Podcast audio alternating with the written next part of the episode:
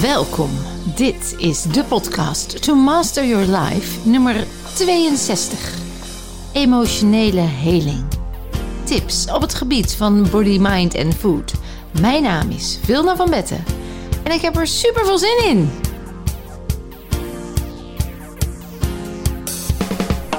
Hallo dames en mensen. Emotionele heling. Wat is emotionele heling? Wat houdt dat in voor jou? Hoe kun jij jezelf helen op emotioneel gebied? Waarom is dat nou juist zo ongelooflijk belangrijk? En hoe kan het zijn dat jij in het nu nog last hebt van zaken uit het verleden die onbewust liggen opgeslagen en dat jij dus kennelijk getriggerd wordt in het hier en nu? En omdat daar nog een emotie geblokkeerd ligt, jij nu klachten ervaart. Daar gaan we het vandaag over hebben.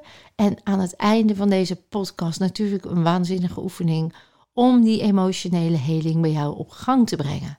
Nou, ik heb er echt waanzinnig veel zin in omdat de kennis die je vandaag gaat krijgen, met die kennis weet je eigenlijk meer dan de gemiddelde arts in Nederland, zou je kunnen zeggen, op dit gebied. En ik ben helemaal niet tegen de medische wereld. Ik vind het wel belangrijk dat we snappen dat er meer is dan het lichaam alleen. er is niet een hoofd dat apart staat van het lichaam. We zijn echt verbonden met het lichaam, met de hersenstam, ons zenuwstelsel. Als ik hier iets denk, maakt dat stofjes aan in mijn lichaam. En als ik met mijn fysiek iets doe, dan maakt dat stofjes aan in mijn brein. Dus we kunnen het eigenlijk niet van elkaar uh, loszien. En uh, ja, als we dat gaan samenvoegen, dan wordt het gewoon een veel makkelijker en gezonder uh, Nederland en ook in de wereld. Dus vandaag emotionele heling. En ik moest eraan denken omdat ik onlangs een cliënt had die veel te dik was en eigenlijk alles al gedaan had om af te vallen. En wat ze ook deed, het lukte eigenlijk helemaal niet. Nou, toen heeft ze, uh, nou eigenlijk toen ze bij mij kwam, heeft ze dus verteld uh, dat ze baalde van haar lichaam, dat ze niet meer wist hoe ze eruit uh, kon komen. Ze wilde gezonder leven. Nou, ze at voor haar gevoel gezond. Ze sportte ook. Dus ze zei: Wat is het nou wat het vasthoudt? En dat is ook wat ik altijd zeg over afvallen. Afvallen is meestal een emotioneel proces. Het is meestal een proces wat met emoties te maken heeft. Hè? Vanuit de energetische geneeskunde is dik zijn letterlijk jezelf laten zien of op een bepaalde manier jezelf profileren omdat je je niet gezien of niet gehoord voelt of jezelf groter maken dan je je van binnen voelt. En dat zijn emoties die erachter zouden kunnen liggen. En dat klinkt nu misschien nog een beetje gek, maar als ik ga uitleggen hoe dat werkt, dan zal je echt zien dat dat zomaar zou kunnen dat dat bij jou ook zo is. En uh, dus even terug naar deze mevrouw. We gingen de sessie in, de Body and Mind Reset. Het is uh, best al wel eventjes geleden, want uh, ik heb nu allemaal professionals die al die sessies doen, maar die ook met dit soort soortgelijke verhalen komen. En um, nou, waar we eigenlijk op uitkwamen, want in die Body Mind Reset One Session ga je dus naar die kern achter waarom het nog niet goed gaat, waarom het nog geblokkeerd is. Dus je komt echt achter de oorzaak. En wat bleek? Zij kwam uit bij een herinnering dat haar moeder had eigenlijk altijd een soort overgewicht. En dat was gekomen na de scheiding van haar vader. Dus haar moeder heeft zichzelf groter gemaakt na de scheiding van haar vader. En uh, die was op een goed moment weer afgevallen. Die zat weer in de bloei van haar leven. En die ontmoette een nieuwe levenspartner. En uh, op het moment dat ze die nieuwe levenspartner kreeg, toen veranderde er wat in hun systeem, in hun gezinsopstelling. En uh, de, de, dochter, dus de vrouw die bij mij was, die vond dat best heftig. Er kwam eigenlijk een nieuwe man in hun leven, vrij onaangekondigd. En daarnaast was die man ook niet een hele vriendelijke man voor de kinderen. Dus vanaf dat moment was er heel veel onrust in hun huis en heel veel ja, agressie.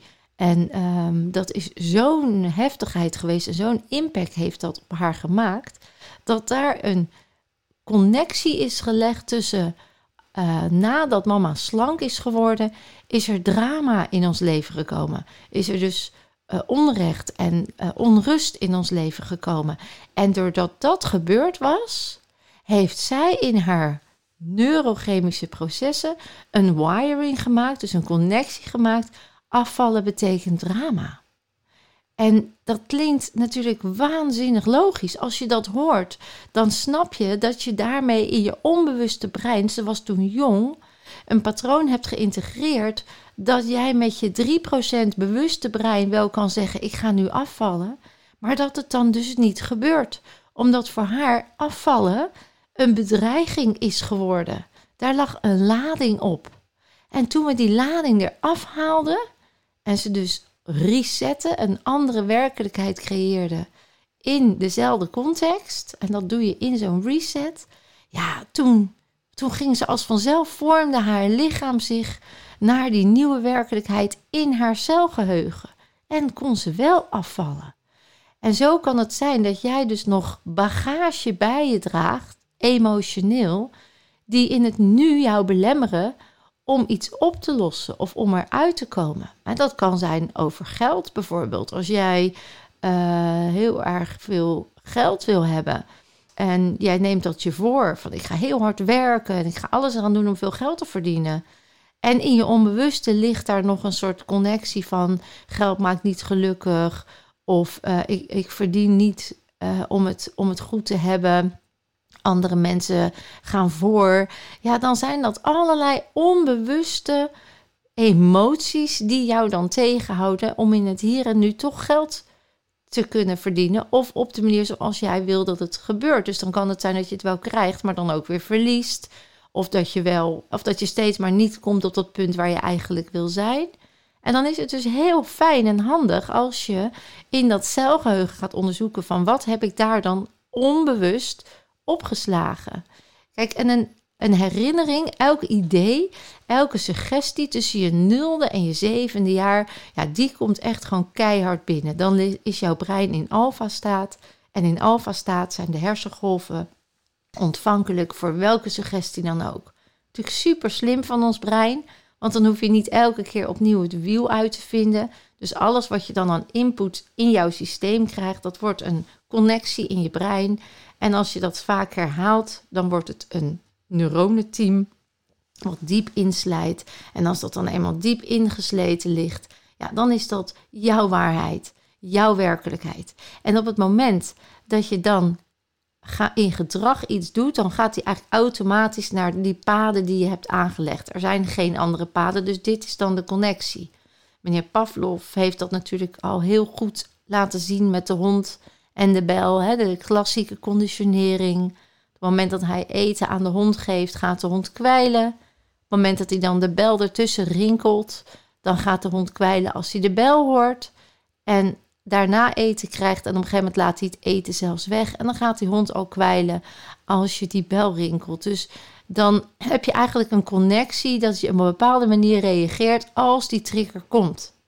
Nou, als die trigger dus in een onbewust deel van jouw brein, en dat is zo als je dat in je jongere jaren hebt aangeleerd zonder dat je het wist vaak, dan is dus elke trigger in het nu nog steeds van toepassing. Dan komt dat weer in dat patroon wat je hebt neergelegd, want jouw brein kiest altijd de bekende en de makkelijkste weg. En als je dan je realiseert dat iedere keer als jij iets meemaakt, iets tegen jezelf zegt. dus waar je vroeger bijvoorbeeld was de, was de, de buffel of het roofdier was de grootste bedreiging. Nu zijn dat eigenlijk onze eigen gedachten. Het is aangetoond dat als wij, uh, stel je loopt door een park en je komt, uh, er komt een pitbull op je af met, uh, met zijn bek omhoog en grommend op je afrennend.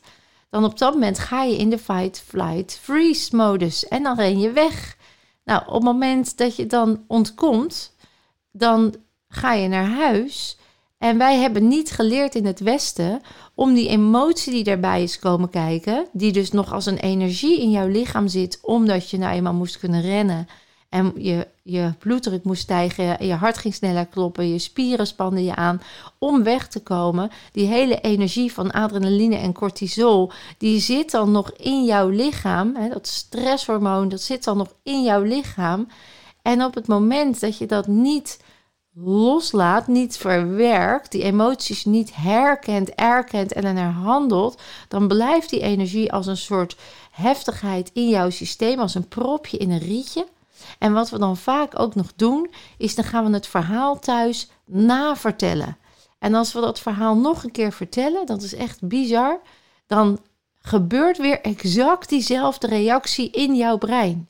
Dus dan krijg je weer net zoveel cortisol en adrenaline alsof je weer in dat moment was. En daarom zeg ik altijd in mijn events dat je nooit het probleem moet herhalen, omdat je daarmee hem juist dieper inslijt en weer die enorme stressreactie vergroot.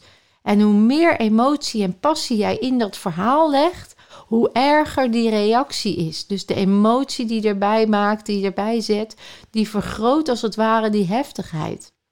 Nou, als je dat dus blijft herhalen in plaats van het te verwerken en de energie los te laten, dan zit je dus in een angstenergie. Nou, en als je die eerdere podcast hebben geluisterd, dan weet je dat angstenergie lager op de emotieladder zit. Elke emotie heeft een eigen frequentie. En als je laag op de emotieladder zit, dan zit jouw systeem, jouw lichamelijke systeem, niet meer in de juiste balans om je goed te voelen. En dan loop je vast. Dan loopt dat hele tandwielsysteem van al die uh, organen, alles wat jouw cellen met elkaar verbindt, dat zit dus dan op slot. En dan loop je helemaal vast. En dan kan het zijn dat jij dus ja, je oncomfortabel gaat voelen. Je kan angsten ontwikkelen, neerslachtigheid, zelfs depressie als het langer duurt. Je kunt uh, merken dat je fysiek klachten krijgt, hè, want elke emotie manifesteert zich ook nog eens op een specifieke plek in je lichaam. Dus 9 van de 10 fysieke klachten, nou ik durf te zeggen 10 van de 10 fysieke klachten, waar je niet meteen, hè, niet door een val of een fysiek trauma, ja, die zijn gewoon emotioneel niet opgelost. Die manifesteren zich dan op een gebied in je lichaam. En jouw lichaam heeft best wel wat veerkracht. Dus als je eenmaal iets meemaakt, stel dat je daar heel erg angstig bent geweest met die pitbull of onveilig, dan is de kans dat je in je onderlichaam, dus bij je darmen, je bekken, als voor vrouwen baarmoeder, eierstokken, uh, dat daar klachten zich gaan uh, manifesteren, die is groot. Alleen je lichaam gaat eerst alles nog compenseren om die balans weer te herstellen. Dus dat kan best wel een aantal jaar duren. En dan zie je dus dat als je dan naar de arts gaat, dan kunnen ze eigenlijk niks vinden. Dan zeggen ze ja, uh, we kunnen niks uh, aantoonbaars. Geen, we hebben geen oorzaak. U heeft last van uw darmen, of u heeft de ziekte van Crohn, of u heeft een kiest in uw eierstok. En dan gaan ze daar natuurlijk anatomisch naar kijken, of je krijgt er een pilletje voor. Maar wat als je die emotie verwerkt? Hè? Dus wat als je dat oplost? En daar zit dan vaak de verlichting van de klachten. En ik had zelfs laatst een waanzinnig voorbeeld van hoe dat dan werkt. Ik heb uh, toen ik 19 was uh, eigenlijk een heel ernstig trauma meegemaakt. Ik uh, ging altijd hardlopen op de Waalsdorpervlakte in, ehm, in Den Haag. Is een prachtig gebied waar ze ook dat mooie herdenkingsmonument hebben. Hè, bij de dodenherdenking is dat vaak op televisie.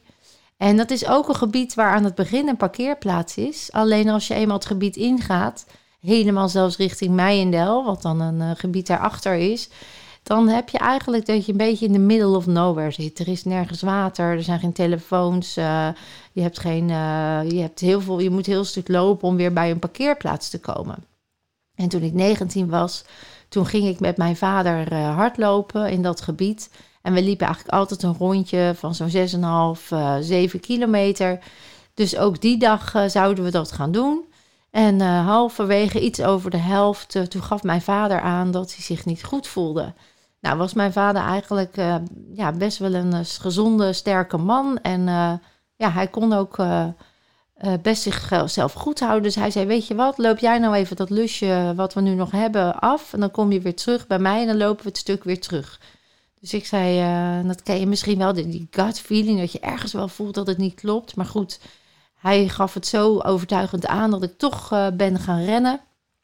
Eigenlijk sneller dan normaal dat lusje heb gepakt.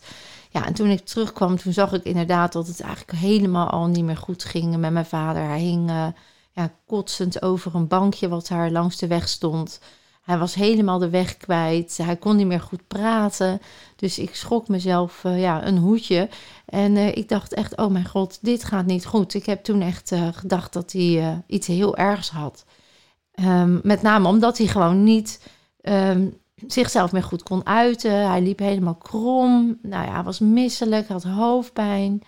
Nou, ik heb toen uh, met, uh, hij is 1,90 meter en uh, vrij zwaar. Ik heb toen echt met oerkracht hem door die uh, Waalstoppervlakte, die hele terugroute, zeg maar, op mijn schouders heb ik hem meegenomen naar die parkeerplaats. Ondertussen hadden we ook nog een hond bij ons. Die waren we kwijt, want die is, ja, dat duurde allemaal te lang, die is zijn eigen route gaan lopen.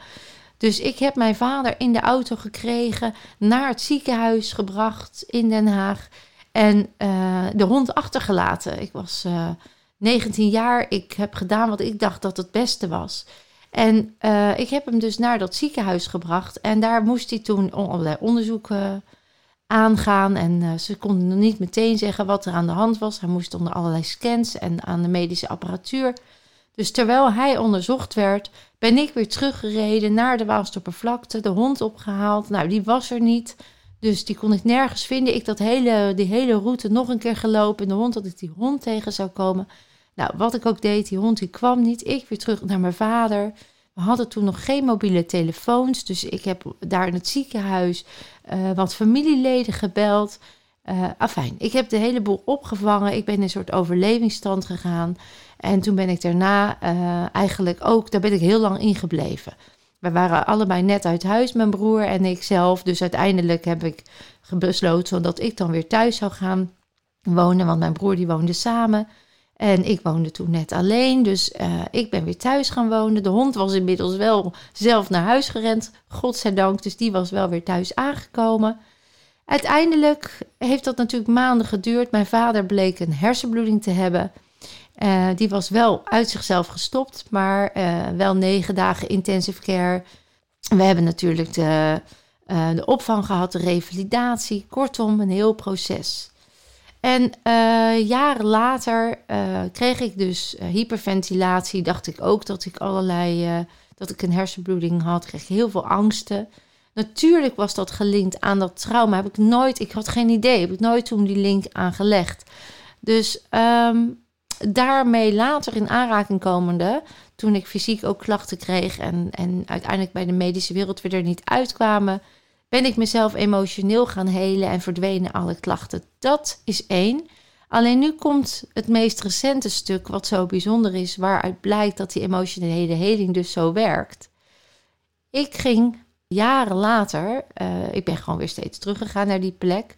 Maar toen ik zelf kinderen kreeg en ook twee honden, ben ik eigenlijk nooit meer teruggegaan naar die plek, omdat daar die honden niet los mogen lopen meer. Dat mocht niet meer.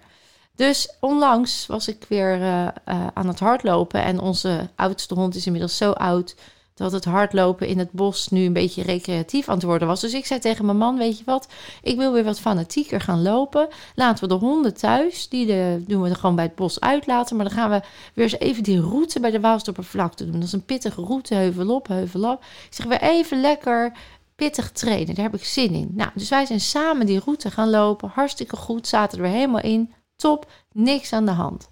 De volgende dag zijn we hem weer gaan lopen. En toen zei ik, ik wil graag onze jonge hond, we hebben een oude en een jonge hond, die jonge hond graag meenemen. Die hou ik dan wel aan de riem, want het is zo'n mooi gebied en het is zo lekker, kan die lekker rennen. Komt helemaal goed. Nou, ik loop die route met die hond. Mijn man en mijn zoon die liepen mee, die liepen iets vooruit. En het was een vrij warme dag. Eigenlijk te warm voor de hond.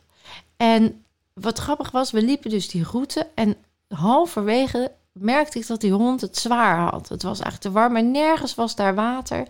Dus ik dacht, ach jee, die hond, wat zielig. En hij ziet een schaduwplekje, hij ploft neer en ah, eigenlijk had hij gewoon geen zin meer. Ik staak. Dus ik stond daar in mijn eentje op die plek met een hond die het echt heel zwaar had. En op dat moment realiseerde ik me helemaal nog niks. Ik dacht alleen, oké, ik moet zo snel mogelijk zorgen dat die hond weer terugkomt naar de waterpomp die aan het begin van de route zit, zodat hij goed gaat. Dus ik heb steeds stapje voor stapje, want die hond die hield het dus eigenlijk helemaal niet meer vol, ben ik teruggegaan naar die plek van die waterpomp. En dat heeft zeker nog wel 20 minuten geduurd. Want bij elk schaduwplekje ging die weer liggen. En dan gingen we weer een stukje lopen. Het is namelijk een charpei. Dat is geen gewone hond. Die kunnen helemaal niet tegen warmte. Dus we hebben, daar had ik me toen helemaal niet goed gerealiseerd. Dus het is gelukt. Hij is teruggegaan naar de waterpomp. Uh, het is allemaal goed gekomen, ook gelukkig. En we zijn die uh, auto weer ingegaan. De jongens die waren al, al terug bij de auto. Dus ik ben naar de auto doorgelopen. Nou, helemaal goed. Niks aan de hand. En s'avonds zit ik op de bank.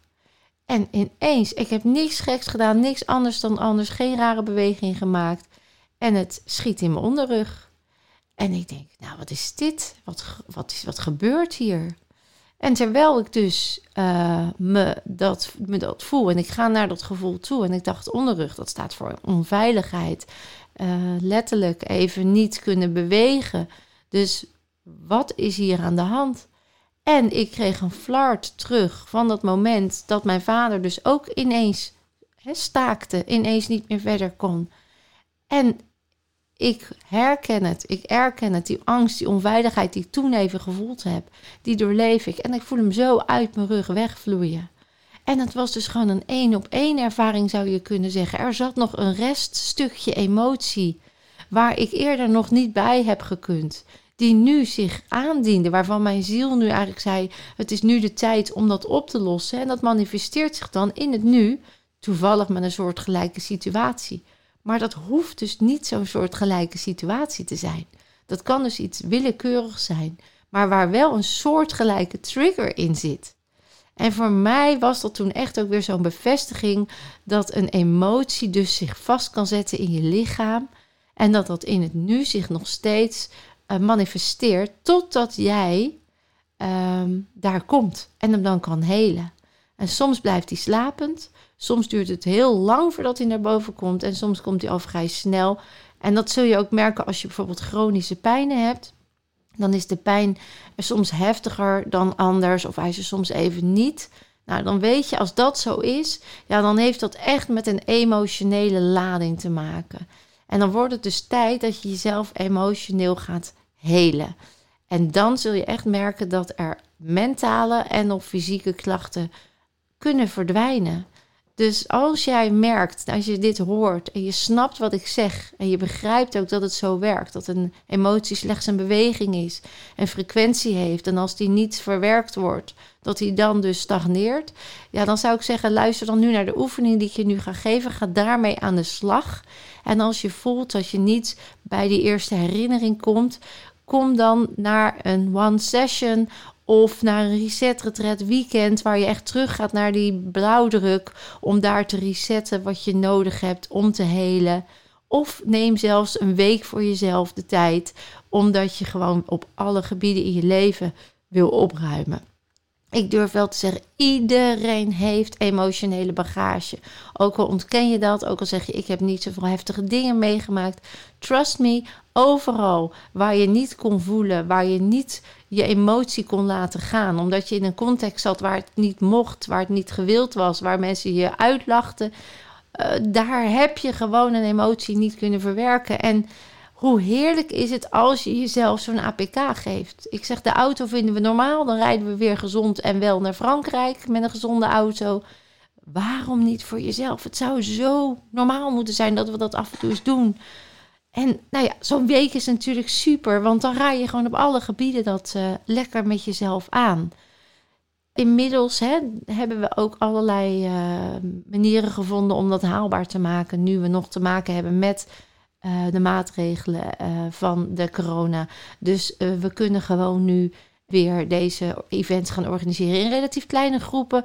Maar het mag weer. Dus mensen kunnen alleen maar gezonder worden. En daar gaan wij natuurlijk voor, want daar staan wij voor. Goed, tijd voor de oefening. Voor deze oefening is het fijn als je een plek hebt waar je even lekker kunt zitten of liggen in alle rust. Als dat niet zo is, dan kun je hem gerust ondergaan en al kijken wat het effect voor jou is. En hem later alsnog een keer doen. Ik wil je vragen om je ogen te sluiten en de aandacht eens even helemaal naar binnen te richten. Alle geluiden om je heen zorgen dat je je aangenaam en prettig voelt. En je merkt dat je met je ademhaling steeds dieper en dieper en rustiger helemaal ontspant. Je weet, net als dat je onbewust dat weet, dat er mogelijk in jouw onbewuste emoties liggen opgeslagen die zich in het nu nog manifesteren. En als je dan vandaag eraan toe bent om zaken los te laten, dat deze oefening voor jou al meteen het gewenste effect bereikt. Dus terwijl je dat realiseert, stel jij je tijdlijn van jouw leven voor. Met een verleden, een heden en een toekomst. En als je het niet voor je ziet, weet maar dat die tijdlijn er is. Want je hebt een verleden, een heden en een toekomst. En als je die tijdlijn nu bedenkt of ziet, misschien als een landingsbaan, een krijtstreep, of een weg of een pad, dat je dan ook nu eens eventjes bewust wordt in het heden van jouw gemoedstoestand. Hoe gaat het op dit moment met jou? Waar in je leven merk je dat het soms nog niet helemaal loopt zoals je zou willen? Misschien is dat op financieel gebied. Misschien is dat fysiek of in relaties. Dat je de liefde nog niet ontvangt die je verdient. Eigenlijk altijd komt dat door emotionele bagage. Misschien is het in je werk. Of is het persoonlijk? Heeft het met je zelfbeeld te maken? Of je zelfvertrouwen? En het zou dus zomaar kunnen dat de reden dat het nog niet helemaal loopt komt, dat dat er ergens in het verleden emotionele bagage ligt. Dus terwijl je in het nu je helemaal bewust wordt van datgene wat nog niet helemaal soepel loopt, dan voel je even hoe dat voelt.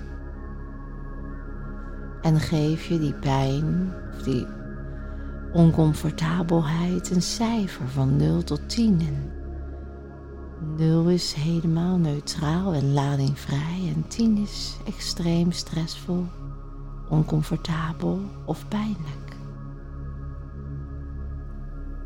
Voel wat je voelt.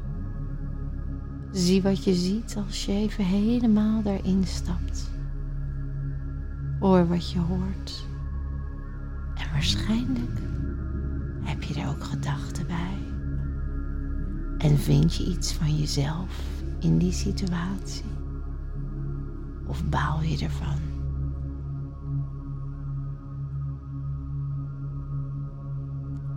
En nu je daarvan bewust bent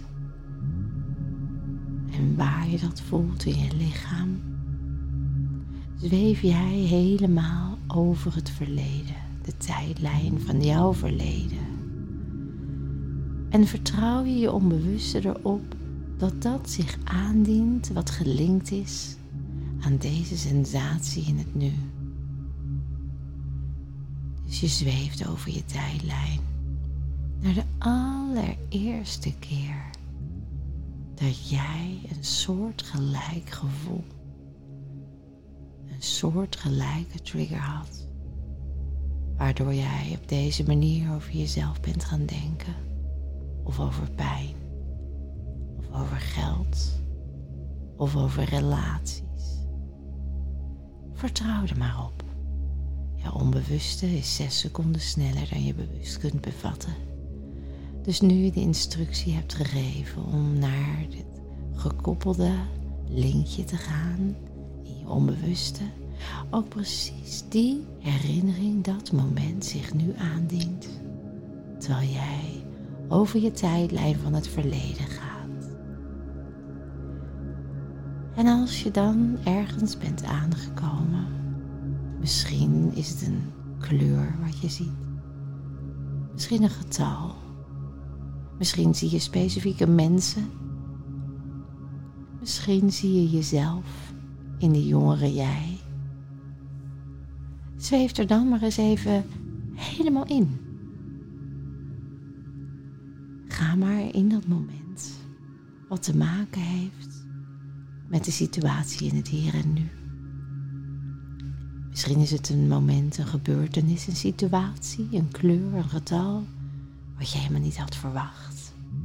Waarvan je helemaal niet wist dat dat nog lading had. Of wat je toen misschien helemaal niet als erg hebt ervaren. Weet maar dat datgene wat opkomt nu ook nodig is om daar te helen. En als je daar bent en je bent er helemaal in, je staat weer in die jongere jij, in die schoenen die je wellicht toen aan had. Of op je blote voeten. En er zijn eventueel mensen bij betrokken. Dan kijk je even welke kleuren daar zijn. Of er geluiden zijn. En of die hard of zacht zijn. Of er mensen bij betrokken zijn. En of datzelfde gevoel en diezelfde gedachten daar zich ook manifesteren.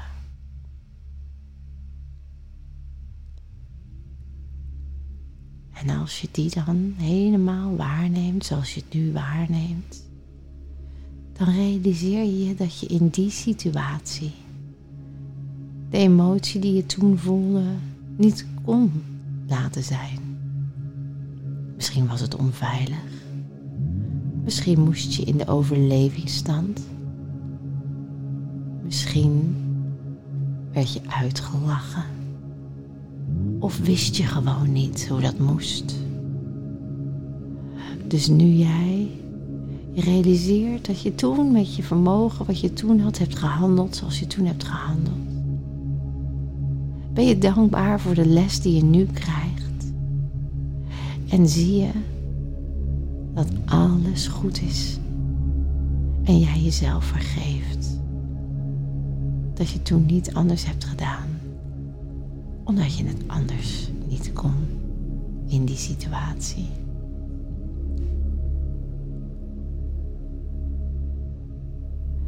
Als jij de lessen eruit hebt gehaald, en je bent dankbaar. Dan zweef je weer uit die situatie.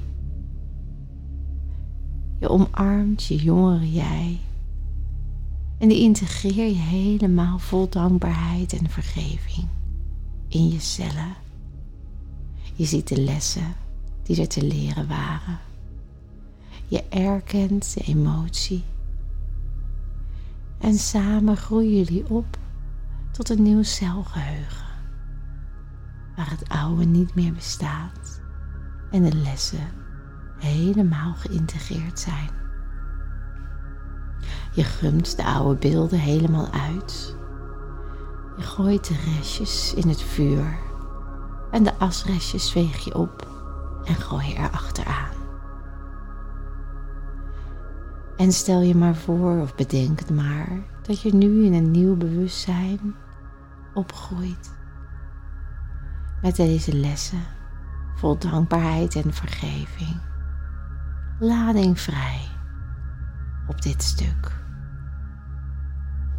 En daarmee groei je op met dit nieuwe bewustzijn helemaal naar het hier en nu.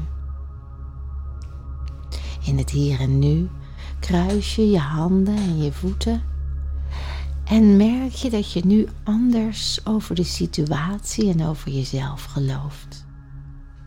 Je beweegt met je ogen heen en weer terwijl je hardop zegt waar je nu in gelooft over jezelf.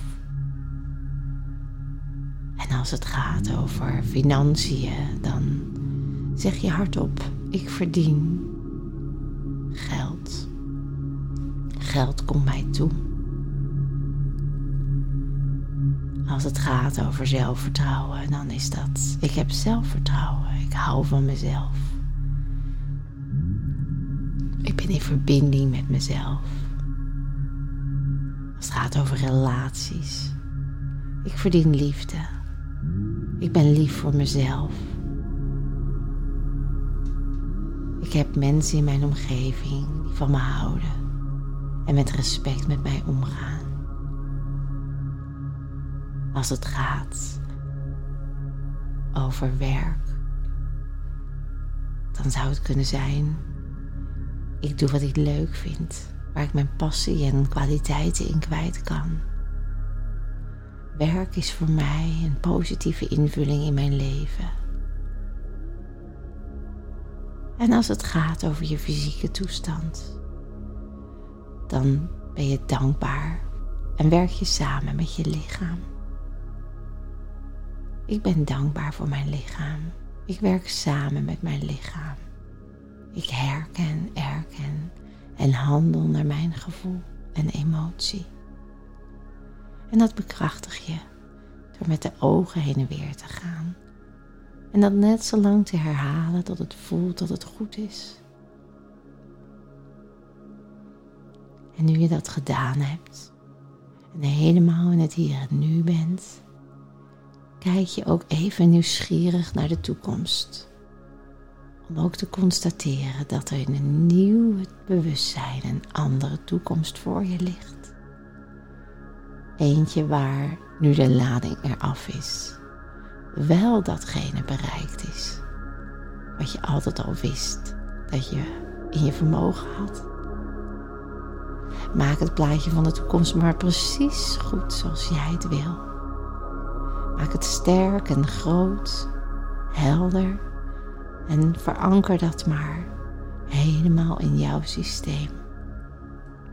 Neem het maar mee naar het hier en nu, zodat het al lang zich heeft gemanifesteerd. En nu alles weer helemaal in het hier en nu is ben je dankbaar voor deze reis. En gun je jezelf om even heerlijk na te voelen en te vertrouwen op de cellen in je lichaam die nu vol in beweging zijn en in een nieuw bewustzijn. Je opent je ogen en je komt weer helemaal terug in het hier en nu.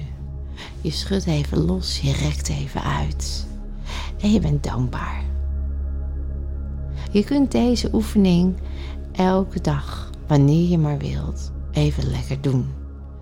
En merk maar dat het kan dat er soms andere emoties naar boven komen. Dat er soms andere ladingen zijn. Je kunt het op elk specifiek gebied in je leven doen. Het is een cadeau aan jezelf. Want stel je voor, al die energie die geblokkeerd ligt, die nog vast lag, die nu vrijkomt, dat geeft zoveel energie voor positieve dingen en vooruitgang, dat is alleen maar een cadeautje.